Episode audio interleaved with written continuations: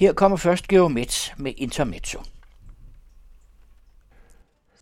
Skolelederforeningens næstformand mente på baggrund af kulturminister Inge Smits forslag om obligatorisk morgensang i folkeskolen, at det er så godt, fordi man ikke kan synge uden at være glad. Det passer ikke. Der findes næppe noget værre i omgang med musik, end at skulle synge under tvang, akkompagneret af en eller anden sur tonedøv skolelærer, der med sit togrebssystem sjældent rammer strengene rigtigt på den torterede guitar.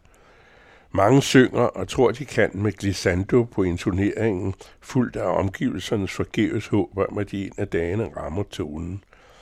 Morgensang i kommentatorens barndom, hvor dagen begyndte på den måde, stod ikke til diskussion og var en lidelse.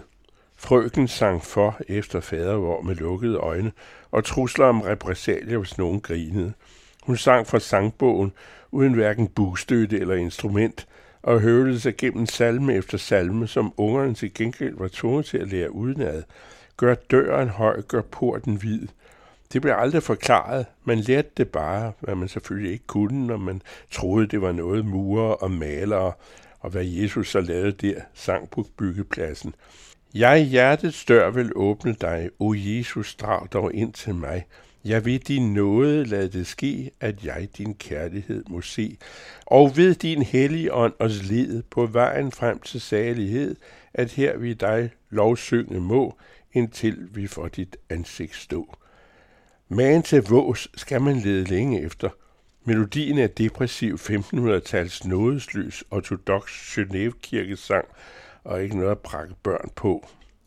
Senere i skoleforløbet i mellemskole og gymnasium på Frederiksberg skete fravalget for morgensangen ved, at en delegation af drenge i de år en drengeskole, 20-30 stykker, søgte tilflugt på det ret store kælderlokum, hvor ikke så få grundlagde nogle kritisable rygevaner.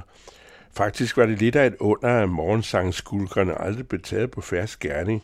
Når sangen ovenpå i aflagen var slut, og de listede væk ud fra lokummet, bølgede røgen op i gården, som man skulle tro, at skolen var hjemsøgt af pyromaner.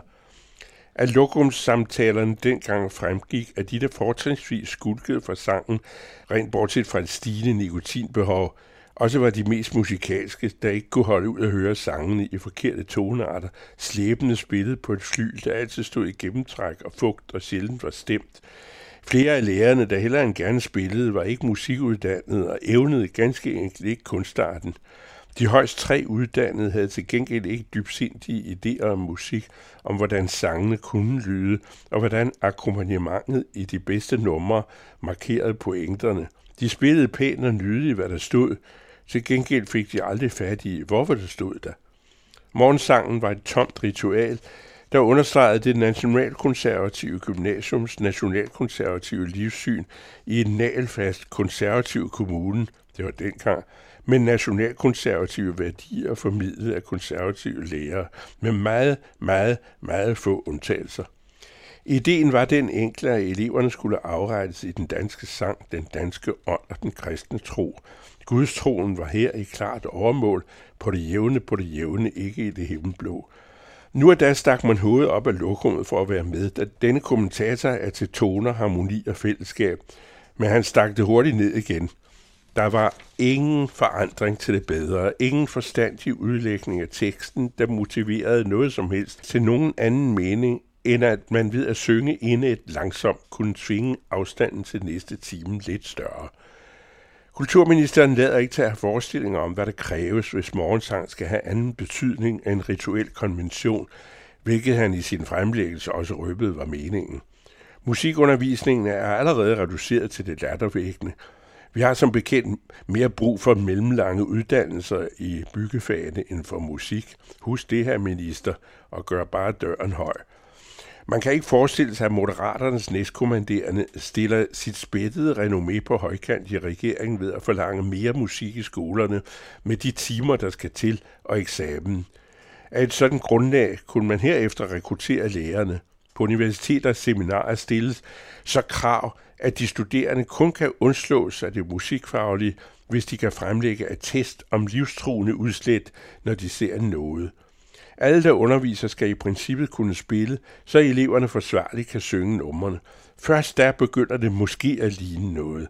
Ellers er det det rene fis, som kun de politikere vil have indført, der øjner konkurrencemulighederne på den nationalkonservative sentimentalitet. Stjæl dog ikke den lille usle krumme fra Morten Messerschmidt, nye borgerlige uden værmund, og Søren Pape, der dog næppe er parat til at mene noget, der ikke er endnu mere bedaget end kommentatorens oprigtige erindring om en national misforståelse. Intermezzo her på den anden radio hver uge, og om fredagen til at læse i Information.